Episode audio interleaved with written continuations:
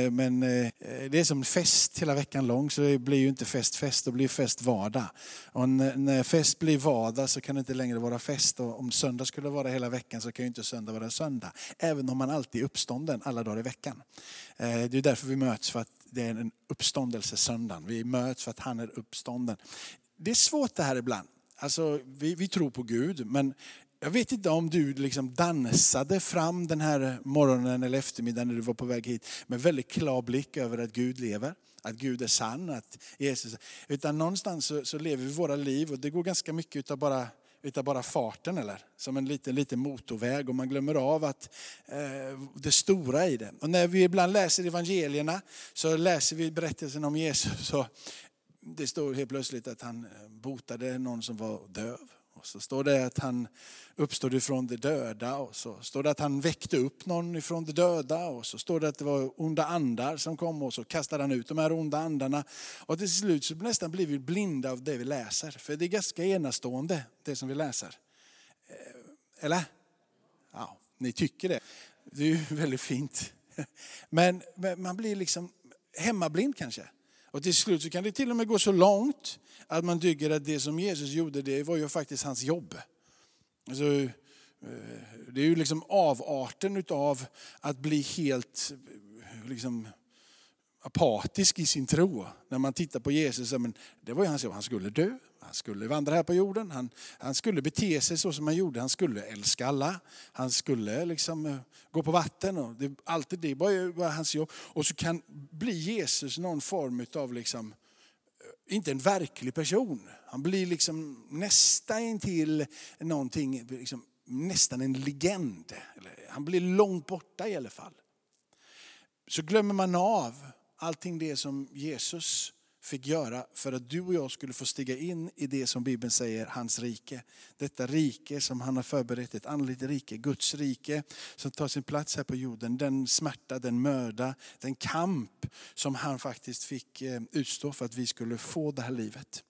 Och Det som är det enastående är att inte vi bara blivit frälsta in i någon form av konstig gemenskap. Till och med fått bli Guds barn. Till alla de som tror på honom har gett rätten att bli Guds barn. Att vi inte bara kan adressera honom till en transcendent Gud, den allsmäktige, evige, han som är från evighet till evighet. Liksom han som är så hög och hans himmel är så härligt så vi är så långt borta. Utan han är faktiskt närvarande och vill kalla dig för sin. Att vi får vara hans barn. Han vill att vi ska förstå att han är en god Gud så att vi kan sjunga in tillsammans med de sångerna som sjungs här och ställa oss tillsammans med andra kristna och säga att vår Gud är faktiskt en god Gud. Livet är inte alltid lätt men Gud är med och Gud är på vår sida. Och allt folket viskade eller skrek eller amen. Ja. Man får säga det hur man vill. Man kan, Samuel brukar alltid reta mig för att jag är pingstvän, så då, jag får säga höga halleluja. Han får bara säga tysta halleluja, för han är i botten i EFS-are.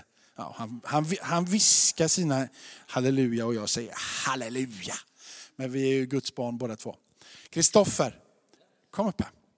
Jag har frågat han innan så det var inte så att jag bara drog han upp här.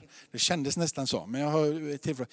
Kan inte du berätta, eh, jag vet ju att det handlar om att vara Guds barn. Det var därför som jag tog den här långa inledningen för att komma dit. Men det är en, det är en sanning, det står, det står i skriften och vi kan läsa det och man kan liksom om man, om man läser tillräckligt mycket så kan man kan försöka förstå det där intellektuellt. Att på något sätt så förklarar Bibeln att vi är Guds barn. Men det blir ju bara antingen en fin tanke eller en teori förrän den dagen som man får erfara det. Ja, det var så att jag stod på, på jobbet och eh, höll på att fundera en massa olika tankar. Men alltså, hur, hur funkar det här med Gud? För det var så väldigt nyligen där. Eh, vad jag kom till tanke var att jag funderade, är jag verkligen Guds barn eller är jag världens barn? Och det var som en tanke som satt i mig jättehårt. Jag hade svårt att komma ut, men är jag Guds barn eller är jag världens barn? Vem är jag? Vem tillhör jag egentligen? Och som höll jag på hur länge som helst. Det gjorde ont. Och så, hur ska jag göra det här? Efter bara några timmar eller sånt där så får jag ett sms av min pappa som är också jättekristen. Eh, ska vi se, jag är lite nervös. Men eh, min pappa var i lovsång och satt och bad för alltså mig och mina syskon och resten av familjen.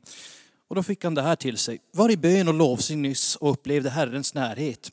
När jag bad för det såg jag en inre bild, ingen, alltså inre syn då.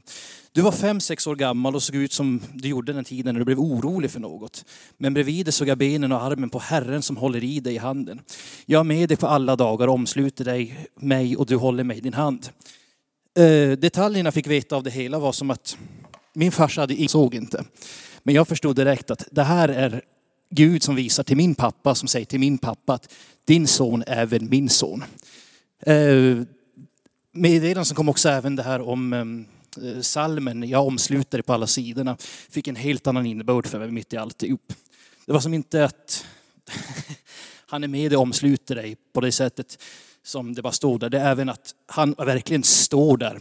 Han står och håller om dig på alla sidorna och går med dig. Vars den går runt på denna jord så håller han om dig. Och jag insåg att sen jag var liten pojke så har han varit med mig.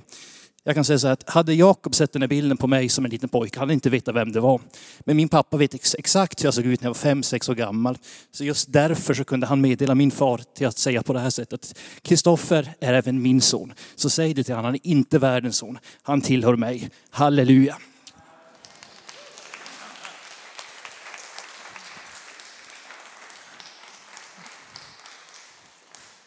Jag ska inte driva det där vidare med pingstvän och EFS-are, men det där var härligt att höra ett starkt halleluja. Nej, jag bara skojar. Jag, jag kan inte hålla, så fort jag ser Samuel och det, så blir det, det bara blir så. Hörni, eh, eh, Madeleine. Ehm, eh, nu höll jag på att driva vidare det där som, vi, som jag inte skulle... Ja, du får snabbare så inte jag pratar på. Yes, jag hann innan Jakob pratade vidare. Eh, hej, Madeleine heter jag. Och Gert heter jag. Vi har goda nyheter till dig som är ung vuxen upp till 35. Vad är det vi ska göra idag efter gudstjänsten? Ja, vi ska prata lite om gudstjänsten och hänga och kanske spela något spel. Bara ha det kul, tycker jag. Ja, vi kör alltså lite unga vuxna samling eh, efter gudstjänsten idag. Det blir, vad heter rummet där nere? I lilla salen. Också om du känner, jag vill gärna vara med, men jag behöver äta innan jag är med. Då går det jättebra att gå ut, köpa sig lite mat, komma tillbaka, så käkar vi tillsammans. Och sen ja, pratar vi lite och har det bra tillsammans. Så välkomna allihopa. Det var det vi ville säga. Tack. Så man kommer dit på lättaste sätt. Antingen om man, ska, man, är, man, man fastar och man liksom ber och man tycker inte mat är så viktigt. Då kan man gå ut från det, det hållet direkt, en trappa ner och så in där. Eller ut där och ner i trapphuset där. Och så får vi ha den dörren öppen en liten stund här efter så ni, kan, ni som vill gå ut och köpa kommer tillbaka. Så då går man ut där och mellantrappan in. Eh, eller så går man ut och så går man tillbaka och mellantrappan in. Man kan gå fel, eh, men, eh, men eh, eh, man kan också komma rätt. Ja. Det är komplicerat det här, hörni. Nu, och en kollekt också, ja.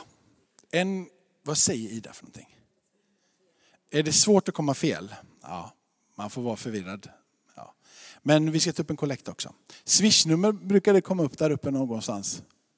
Där uppe. Var gärna med och stötta församlingen. Om du är här på besök, är du med eh, så var en trogen givare. Pengar är ju inte roligt att prata om men saker och ting kostar. Min, min skjorta kostar pengar och allt möjligt kostar pengar. Vad heter det? Vi, eh, medan vi brukar sätta ut en box där ute va? För dig som vill eh, lämna alla dina kontanter. Vi sätter en box där ute. Vi brukar inte skicka runt här för det är fortfarande... Vad säger du? Den är inlåst, men vi tar den efter gudstjänsten och lägger den där ute. Hörrni, eh, vi måste ju be en bön för, för, för ekonomi och för världen. Om jag kommer ner med telefonen till dig Adam, kan inte du be? Mikrofon, jag vet.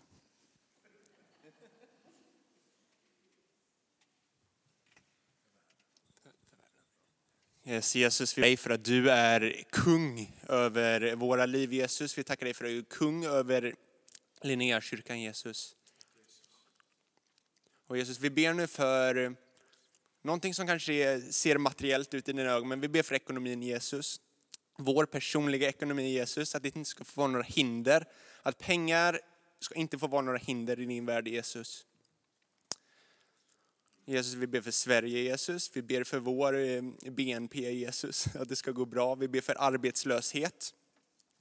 Jesus, vi ber att folk som vill arbeta ska få arbeta, folk som kan arbeta ska få arbeta Jesus. Och vi ber att även om arbetslösheten liksom går upp, så vi ber vi att välmåendet ska gå liksom ner. Välmåendet också ska gå upp med dig Jesus. Så att folk ska må bra Jesus. Och vi ber också politiskt för det läget som är just nu Jesus. Att även om vi har restriktioner, även om vi ska hålla ifrån varandra Jesus, så ber vi om en närhet till varandra Jesus. Vi ber för alla gamla som är hemma och håller sig i karantän Jesus. Vi ber för en närhet till dig Jesus. Vi ber för alla som mår dåligt, som är, som är gamla och inlåsta Jesus. Vi ber att du ska komma med din närhet till dem just nu. Och vi ber för alla församlingsmedlemmar som inte varit här på nästan ett halvår i kyrkan Jesus. Vi ber att du kommer med din gemenskap hem till dem Jesus. Och vi ber spelande predikningar när vi var på nätet Jesus ska få bli, ska bli ett sätt att få möta församling och få möta, möta dig Jesus. Tack att du är Herre över vår kyrka, tack att du är Herre över Göteborg, över Sverige, över hela världen Jesus. Vi vänder vårt fokus till dig Jesus. Vi vänder vår vision mot dig Jesus och våra fötter mot dig. Amen.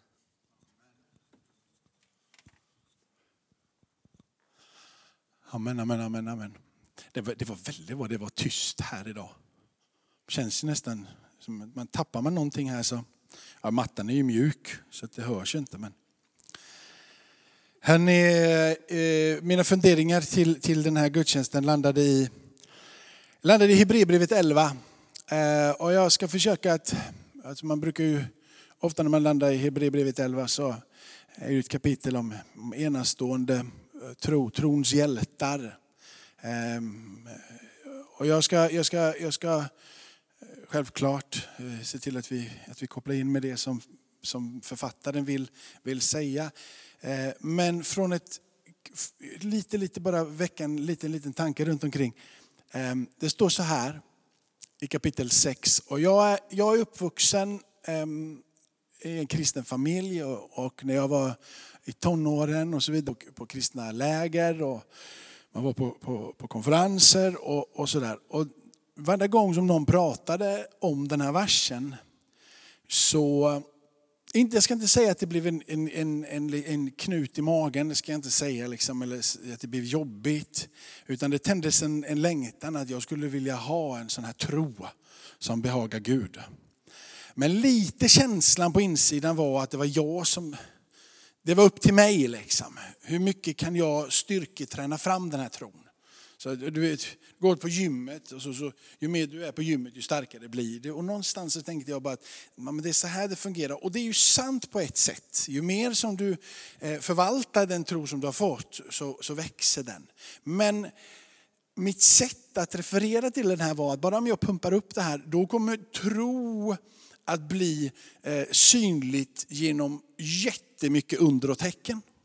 Tro kommer bli synligt så att kanske till och med onda andar får lämna.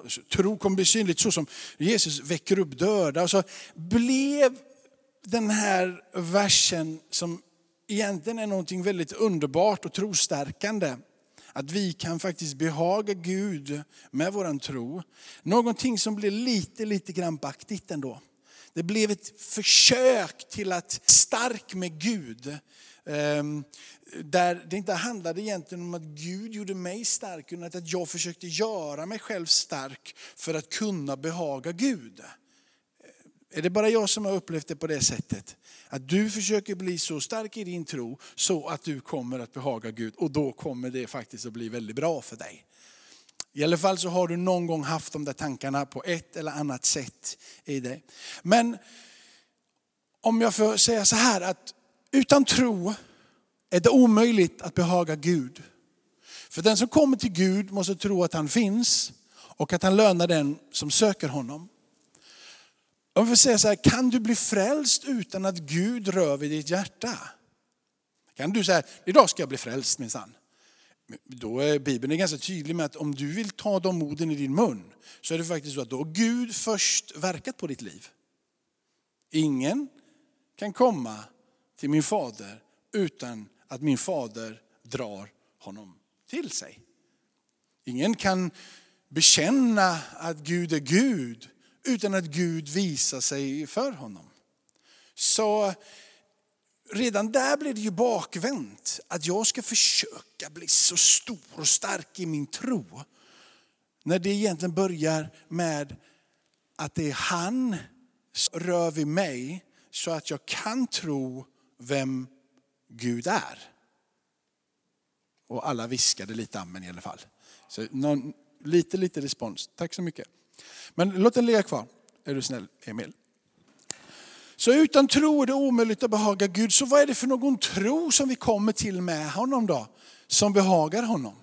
Vad är det som har gjort att Gud får välbehag i ditt liv?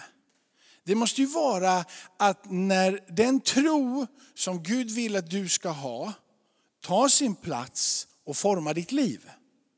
Eller? Så som Gud vill att du ska tro, när det tar sin plats i dig och formar ditt liv, så behagar det Gud.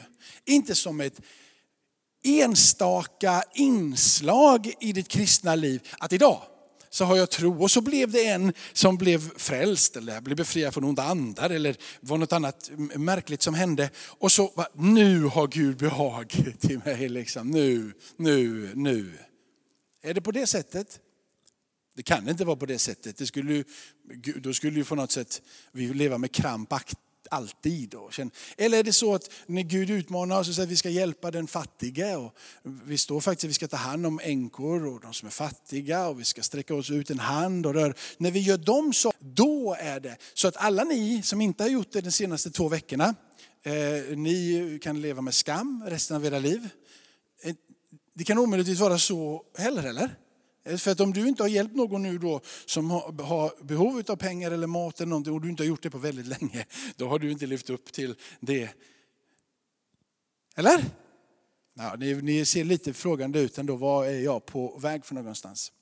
Men de verserna som ligger efter här, har du till exempel Noa. Och det är så att innan Noa bygger arken, så vem talade till Gud? Eller till Noa? Jo, Gud. Eller hur? Det är Gud som säger att det här håller på att hända i världen och jag gillar inte det som håller på att hända. Ifrån första Mosebok kapitel 6. Jag gillar inte det som håller på att hända och, och, och eh, jag tycker det här är dåligt. Så jag talar om för dig att det här kommer att hända, det kommer att utgå en dom och i det här så vill jag att du ska bygga en ark. Och jag vill visa världen att jag är en Gud som vill ta hand om och visa omsorg. Och sen så har du regnbågen på det här. Och, men det som händer är att Noa gensvarar på det som Gud säger och låter det som Gud säger forma hans liv. Det är så Noa behagar Gud. Det är ju Gud som tog initiativet och talade till Noa. Det är Gud som steg in i Noas värld och gjorde sig stor för Noa. Det var inte Noa som kämpade för att behaga utan det var Gud själv som mötte Noa, talade till Noa, övertygade Noas hjärta, hans handlingar följdes utav det som Gud sa. Så till och med när han står där säkerligen och bygger den här gigantiska arken och det är på torra land och det finns inte ett, liksom en, en tillstymmelse till vatten som kan bära den här stora arken så står han och fortsätter att göra det för att den guden som hade talat till honom, den levande guden, den allsmäktige, han som är från evighet till evighet. Han steg in och rörde vid Noas liv. När han rörde vid Noas liv så gensvarar han på det och det blir välbehagligt inför Gud. Samma sak och den nästa vers som ligger under här, då har du Abraham och så talas det lite om, om Sara och deras resa. När återigen så är det Gud som kommer in. Gud talar till Abraham och Abraham lyssnar och låter det få sjunka in i sitt liv och säger det där vill jag ta till mig, det där vill jag ära och så vill jag följa Gud på den resan. Jag vet inte vad, riktigt var jag är på väg och där kan vi väl ganska många känna igen oss. Vi vet inte riktigt var vi är på väg. Det visste inte Abraham heller. Men när Gud tog ett steg emot honom och rörde vid hans hjärta så kapitulerade Abraham och sa, jag är med på den här resan. Du har för mig, jag igenkänner att du finns, du verkar vara en stor och en mäktig Gud. Jag tänker inte leva för mig själv utan jag ska försöka. Sen var det inte en lätt resa för Abraham. Det var lite upp och det var lite ner. Kanske känner någon av oss igen oss i den resan också. Att det inte alltid är bara en enda pil eh, uppåtgående utan att det faktiskt är ganska mycket berg och dalbana. Och det är både toppar och det är dalar och ibland så undrar man finns han överhuvudtaget. Abraham försökte till och med ta saker och ting i egna händer och göra det. Så vad är det för någon tro som behagar Gud? Hur får du en Får jag kalla det en biblisk tro? Hur får du en tro som överensstämmer med det som är evangelierna och sen förklaras genom olika breven och som blir synliggjort genom apostlagärningarna? Det är ju att låta det som står i evangelierna ta sin plats i ditt hjärta och i ditt liv och forma din tro.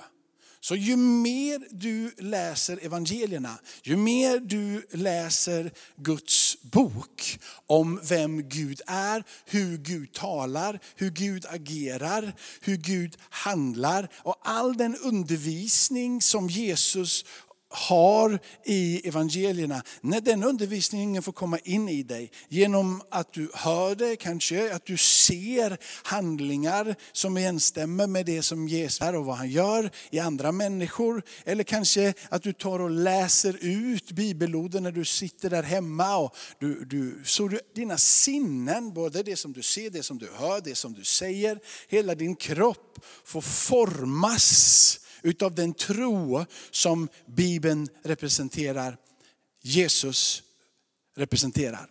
Jesus, står det, är strålglansen. Han utstrålar allting som Gud är. Så när vi låter tron som Jesus representerar fånga din uppmärksamhet och bli en del av ditt liv, så behagar du Gud. Det är vad som står där. Ibland så kanske det sker genom ett helande. För att du har ställt dig på den platsen och du vågar handla på det som Gud har sagt. Ibland så syns det på att du hjälper de fattiga. Men i grund och botten så är det på grund av att du vill att det som står i evangelierna och det mötet du har haft med Jesus, det ska forma ditt liv. Amen. Där har du den stora kampen. Där har du den stora mördan som Jesus utstod. Det här lidandet som han smärtan som han bar, kampen som han kämpade emot den onde själv. Det var ingen lätt kamp för Jesus. Han kämpade till och med emot döden själv. All egoism, all självrättfärdighet. Allting som reser sig upp i kunskapen mot Gud var det som Jesus kämpade för. För att du skulle få stiga in i det som Bibeln säger är hans rike. Du och jag vi kan ju välja att låta det som finns i skriften och det som är det livet tillsammans med Gud som representeras där i vara det som formar ditt och mitt liv. Eller så kan vi välja att jag har en tro bara lite generellt, liksom att jag tror att det finns en Gud. Det vore ju orimligt om det inte finns en Gud, är det ganska många som tycker. Men sen så vad det är för någon typ av Gud finns det jättemånga olika tankar om. Och så bestämmer man sig för att ja, men jag tror att Gud är sån här. Men om du bestämmer dig för att du tror att Gud är sån här, utifrån vad du tycker och vad du tänker, så blir Gud egentligen så blir ju du Gud, för du säger vem Gud är. Eller? Du säger, det här tror jag på. Och jag tror det utifrån det här och det här och det här och det här. Och det kan vara lite ifrån den sidan och lite ifrån den sidan. Det är ju Gud det som du säger att Gud är. Helt enkelt, du har bestämt vem Gud är. Den bibliska guden presenterar sig inte på det sättet. Den bibliska guden presenterar sig genom hela gamla testamentet, genom naturen, genom skapelsen, men sist genom sonen. Och när Jesus kommer så säger han, så här vill jag att ni ska tro. Inte utanför skriften, utan det som finns i skriften. När du säger att ja, men jag tror på det som Jesus säger, jag tror på det som Jesus gör, jag tror på allting det som Jesus undervisade, att det är till en gang för mitt liv, att det är till en styrka för mig. När du tar till dig det som får vara evangelierna, det glada budskapet, när det är det som formar din tro och du säger att det är min tro. En del saker kanske du förstår, andra saker har du inte förstått än. Men när du säger att det här vill jag ska vara min tro, det är då du behagar Gud. Så du behöver inte kämpa så mycket med att försöka behaga Gud. Utan du kan kämpa bara med att försöka förstå det här. Och inte förstå det i ditt huvud bara, även om det är vettigt att försöka förstå en del. För det blir lättare att förklara om du använder ditt intellekt också, och inte bara lämnar det hemma. Men när du möter han som är bakom den här boken och du säger att det han säger och det jag förstår och det han säger och den jag har mött får forma ditt liv så har du börjat behaga Gud. Då blir det inget ok att läsa den här. Det blir bara en glädje att läsa det här. Det blir bara, utan tro är det omöjligt att behaga Gud. Men hur i hela världen ska jag kunna behaga Gud med den tro jag har? För den är ju så, den är ju så dålig och jag har ju ingenting och jag, vi vet ingenting. Om du söker honom, inte bara utanför Bibeln, utan i Bibeln. Och möter med honom och han får bekräfta skriften så formas din tro. Så här, vilket är det bästa att vara? Är det bästa att vara en Marta eller en Maria? Och ni som inte vet om den här berättelsen, låt mig läsa kort ifrån Lukas kapitel 10 eh, för, för er. Jag läser från vers 30, 38 ner till vers 42. Medan de var på väg gick Jesus in i en by där en kvinna som hette Marta tog emot honom i sitt hem. Hon hade en syster, Maria, som satte sig vid Herrens fötter och lyssnade till hans ord. Marta däremot var helt upptagen med allt som skulle ställas i ordning och gick fram och sade, Herre, det vill säga Jesus, bry inte om min syster har lämnat mig ensam att sköta allting. Säg nu till henne att hon hjälper mig. Herren svarade henne, Marta, Marta, du gör dig bekymmer och oroar dig för så mycket. Men bara ett är nödvändigt. Maria har valt den goda delen och den ska inte tas ifrån henne. Ett sånt här bibelställe kan ju få vilken kristen som helst att få ont i magen. Eller? Ja, det finns en viss, viss elitgrupp som gillar att fasta och be och som liksom har trycket på sin insida och känner till, jag vill gå till kyrkan jämt och jag vill, jag vill leva för Gud jämt. Och jag vill, så. Men alla de som säger på det sättet går också de in i perioder där det inte är riktigt så lätt. Och då får de också lite, lite ont i magen. Fast de säger det inte. Eller? Jag lovar dig, de får ont i magen. Men de vågar inte erkänna att nu så, nu så är det lite jobbigt här med att, med att vara en, en Maria. Jag borde vilja och jag skulle helst men jag orkar inte. Och så, och så. Vilket är bäst att vara, en Marta eller en Maria? Är det så att, att Jesus tycker att Marta, du är en besvärlig människa? Jag vill inte ta hand om dig. Marta, du är bara, du bara oroar dig hela tiden och du springer. Bara sitt hos mig. Är det det Jesus säger här? Han talar om att det är viktigt att vara vid hans fötter. Det kan vi komma överens om. Han säger var vid mina fötter och det är en hälsning till Marta också. Så om du har en tendens att vara en Marta, springa överallt och kan inte sitta stilla någonstans, så är det en hälsning från Jesus, en tillämpning på den här skriften, att du fick vara en Maria en liten stund också. Men när Jesus gästar deras hem i kapitel 11 i Johannes, när Lazarus, deras bror, har dött, så står det så här i vers 5 att Jesus älskade Marta och hennes syster.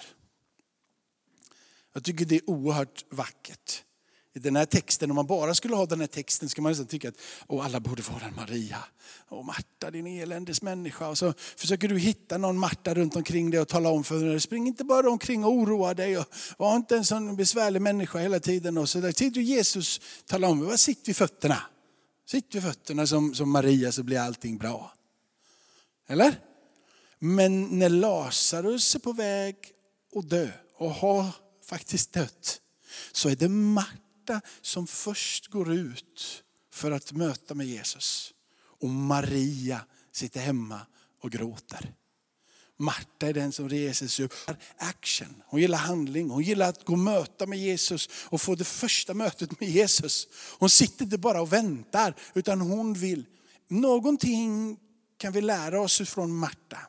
Och det är att tro också har med handling att göra.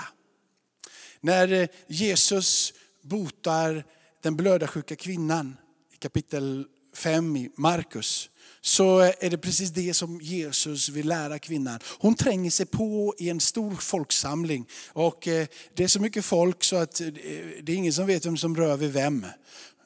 Och, Eh, men vilket fall som helst så tränger hon sig in och så vet hon i sitt hjärta, bara jag får röra vid den där Jesus, bara jag får röra vid honom så kommer läkande kraft gå ut och så kommer jag bli frisk. Och det är precis det som händer. Och när det händer så säger Jesus att någonting har hänt. Och lärjungarna säger, det är mycket folk här och du säger att det är någon som har rört dig och någonting har hänt för den personen har rört dig. Det är många som har rört dig. Hur i hela världen ska vi kunna veta vem det är som har rört? Jesus stannar av och tittar och så hittar han kvinnan. Kvinnan kommer, kommer fram. Och jag tror att det är så här att Jesus stannar av i den här berättelsen för kvinnans skull. För att tala om för kvinnan och tala om för dig och mig och lära kvinnan och lära dig och mig någonting om vad tro är. Tro är att sträcka sig efter Jesus. Jag säger, det var inte för att du rörde vid mig som du blev botad. Det var för att du trodde på mig som du blir botad. Han säger, det finns ingen magi i bakom. Det finns inget, liksom, vi vet att Bibeln pratar om att man kan, om, om bönedukar och Bibeln pratar om, eh, så vi tror på, på, på handpåläggning och så. Men det är inte det magiska i någon handpåläggning och några handdukar. Det som är det avgörande är, vad går din tro? Emot vem sträcker sig din tro? Och Jesus ville lära kvinnan att det var inte att du rörde mig som var förvandlingen. Det var att du trodde på mig. Du visste kanske inte hur du skulle tro på rätt sätt. Du kanske inte kunde förklara. Men en sak gjorde du. Du sträckte dig efter mig i tro. Och när du gjorde det så rördes vid ditt hjärta. Så här en, en text till. Så här står det i första Korinthierbrevet kapitel 11 vers 1. Och det är Paulus som säger, följ mitt exempel liksom jag följer Kristi exempel. Och han han talar egentligen om i det här sammanhanget att ingenting du gör är tillräckligt bra eller dåligt. Han säger käka vad du vill eller eh, käka inte vad du vill. Men han ger ett uttryck i den här texten och alla andra texter som refererar till att vara ett exempel och att följa. Så refereras det till att göra det för Guds skull. Att göra det för de människor som finns runt omkring. Du sätter en ära i ditt liv att vara Gud till behag. Och du sätter en ära i ditt liv att vilja tjäna de som finns runt omkring dig. Så som Kristus tjänade, så vill jag tjäna. Det är det Paulus säger. Jag vill inte göra det för min skull. Jag vill göra det för de människorna som finns runt omkring. Jag vill att människorna som finns runt omkring ska se att jag har blivit formad utav den tro som Jesus har givit mig. Jag vill att det sinnelag som var i Jesus ska vara i mig. Jag vill låta det som han är och gör och handlade och allting få ta sin form i mig. Är det här, blir det här en jobbig text då? För i, i vissa, man kan läsa följ mitt exempel, liksom jag följer Kristi exempel. Ska vi bli helgon helt plötsligt? Nu blev det jobbigt. Samma sak som där, nu ska vi tro Gud och, och det ska behaga honom. Hur ska jag kunna behaga Gud med min tro? Och hur ska jag kunna vara ett sånt här exempel? Jag tror att om både Marta får plats och blir en lärjunge till Jesus, och Maria får plats, så tror jag också att du och jag får plats. Alla de personligheterna som finns runt omkring Jesus, så är det oerhört märkliga personligheter. En del har, har, har liksom fina yttre och en del har inte så fina yttre. En del har trasiga relationer och en del har bra relationer. En del människor är rika, en del är fattiga. En del människor är helgon och en del är riktiga syndare. Men alla de här människorna möter Jesus och han rör vid deras hjärtan och han säger låt mitt liv få formas i dig och i mig. Och vi försöker applicera det här i, i församlingen här på, på, på praktiska sätt. Jag kanske inte kan se upp till allting som Samuel är. Jag vill ju gärna liksom ta dig som exempel så som du tar Kristus som exempel. Men det är, jag är ledsen Samuel, du har inte kommit hela vägen. Men det finns saker i Samuels liv som jag kan ta följe på. Det finns saker i hans liv som jag kan se upp till. Eller hur? Samuel kanske är den stora bedjaren i församlingen. Han är en Maria som lägger det. Då kan jag se upp till honom på det sättet. Men jag kan inte se upp till honom för att han är en Marta. Jag kan inte se upp till honom för att du springer och städar här varje dag. För jag har inte sett dig städa en enda gång. Ta hand om den här fastigheten. Nej, nej, nej, nej, det är inte din grej. Jag är ledsen. Jag har sett. Det finns andra som gör otroligt många saker här i veckan eh, som Antonsson, du är ju på det sättet en riktig, en riktig hjälte som är här hela tiden och Anna och några till. Liksom. Och tala om att, vad kan jag vara ett exempel på? Ja, allting som Jesus är, allting som han undervisade har inte riktigt tagit form i mig, i mig än. Men jag vågar resa mig upp och bli ett exempel. Jag vågar säga Jesus, jag vill följa dig och jag vågar säga att jag följer dig. Jag är inte klar än, jag har börjat min resa. Men det som jag har tillsammans med dig kommit under full med. Det vill jag ska synas. Helt plötsligt så är vi alla kvalificerade att vara lärjungar. Vi är alla kvalificerade att forma de som finns runt omkring oss. Vi kan alla dra ett litet strå till stacken. Du vet att om alla skulle vara arga här, gapa och skrika på varandra, så är det ju svårt att skapa en atmosfär som är tålmodig. Det är, liksom, det är svårt. Liksom. Vi har tålamod med varandra här men vi gapar och skriker hela tiden. Så det skulle vara omöjligt. Eller? eller? Ja. Så då får man säga, vilka, vilka kan vi ta i rygg på det här? Vilka har det här lugna Vilka kan vi sätta i centrum för att forma det? Vilka kan vi se upp till? Och jag skulle väl, jag ser upp till Marie Antonsson där. Hon är lugn som en filbunke. Hon stressar inte upp för någonting. Vi kan alla se upp till henne på det. Hur länge har du varit frälst Marie? 2017 i november. Och jag, jag, det, tyvärr då Marie, så finns det ju andra saker som vi inte kan se upp till dig än. För du har inte gjort den långa resan. Eller hur? Men vi kan se upp till hennes tålamod och hennes mildhet. Och det som finns och den aura som det blir runt omkring där. Så vad jag vill säga egentligen är så här, diskvalificera dig inte själv. Du kan behaga Gud. Med den tro som du har och med det liv som Gud har gett dig så kan du få behaga Gud. Du kan vara stolt över det som Gud har börjat göra i ditt liv. Mycket eller lite. Men det som du är och det som du har, tänk på det istället för det som du inte har. Och låt Gud få stiga in på område efter område. Vi skulle kunna läsa en, en, liten, en liten text till från Jakobs brev.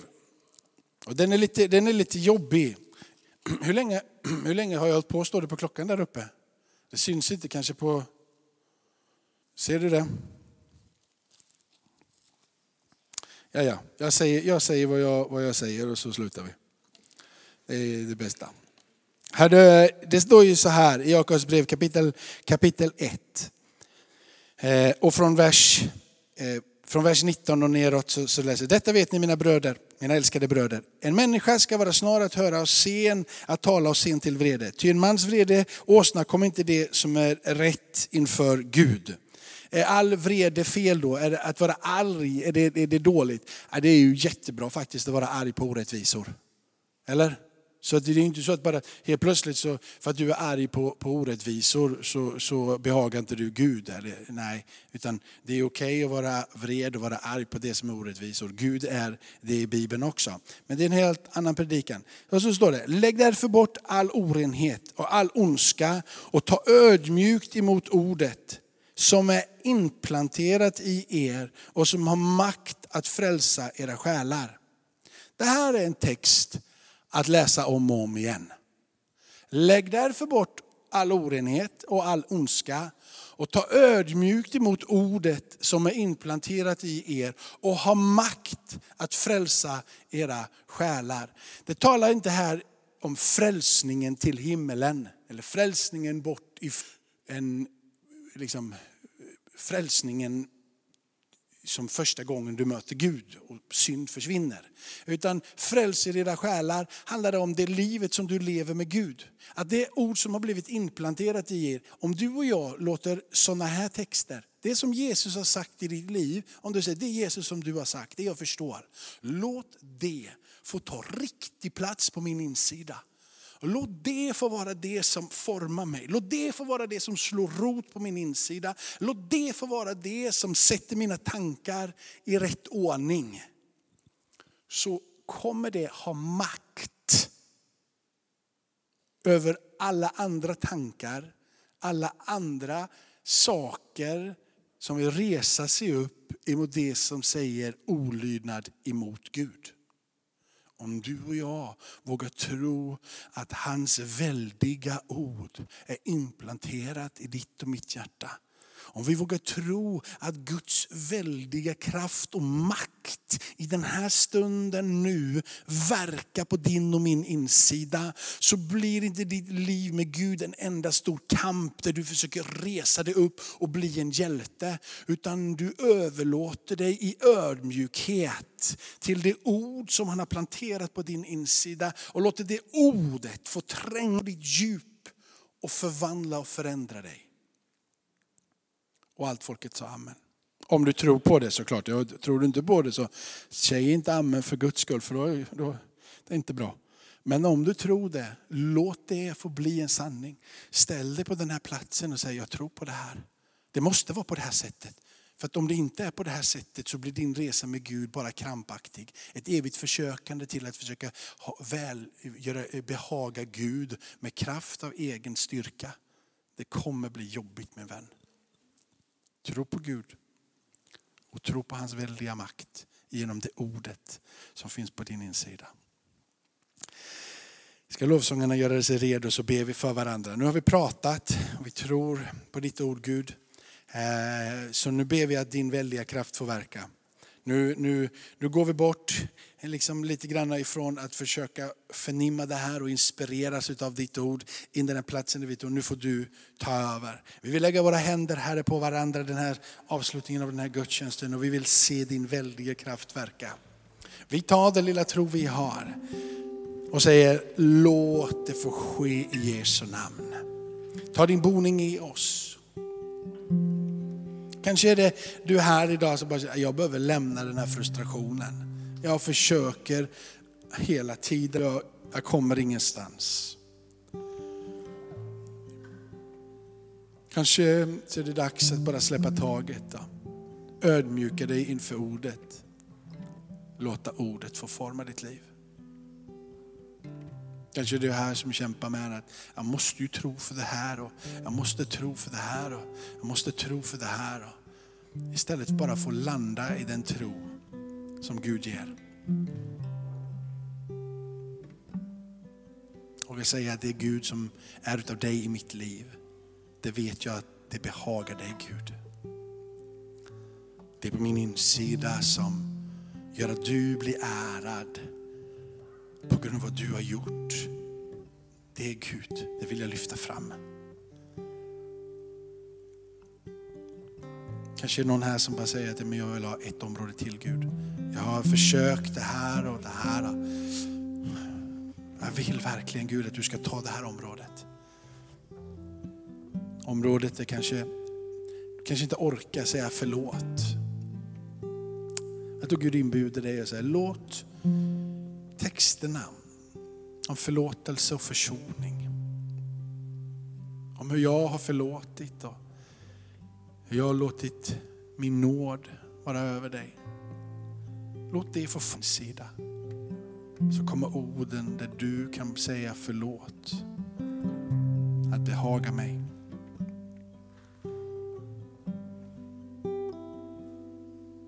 Att säga förlåt är också en befrielse för dig själv. Så länge som du håller inne med att förlåta så är det du själv som sitter inlåst. Det är du själv som blir fånge.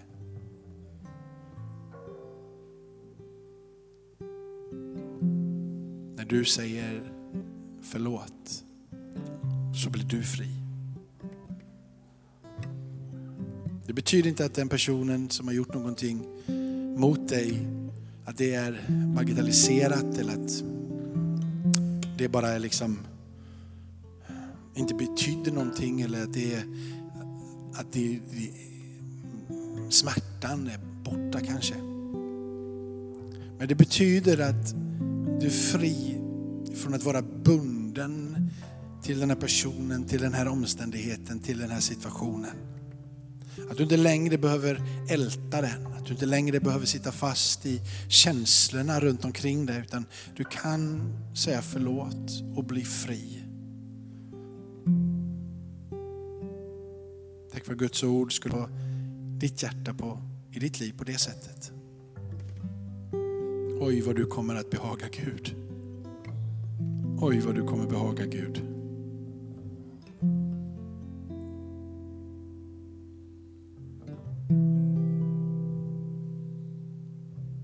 Om du är här och du aldrig har sagt ditt ja till Jesus, du har aldrig någonsin sagt Jesus jag vill komma med. Jag vill att du kommer in i mitt liv ska jag säga att han är redo. Bjud in honom. Och det behövs inte massor med ord egentligen.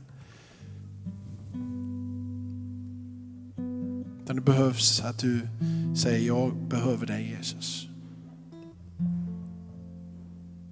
Det behöver liksom inte vara välformulerat.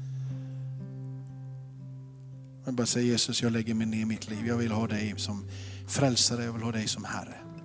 Jag vänder mig bort ifrån mitt liv. Jag förstår att du dog för att jag skulle kunna få vara med Gud i evighet.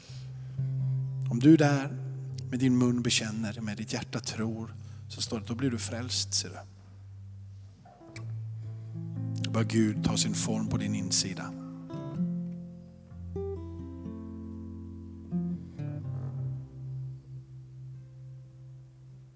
Du är hans barn. Plats i hans familj. Jesus är Herre. Jesus är Herre. Jesus är Herre.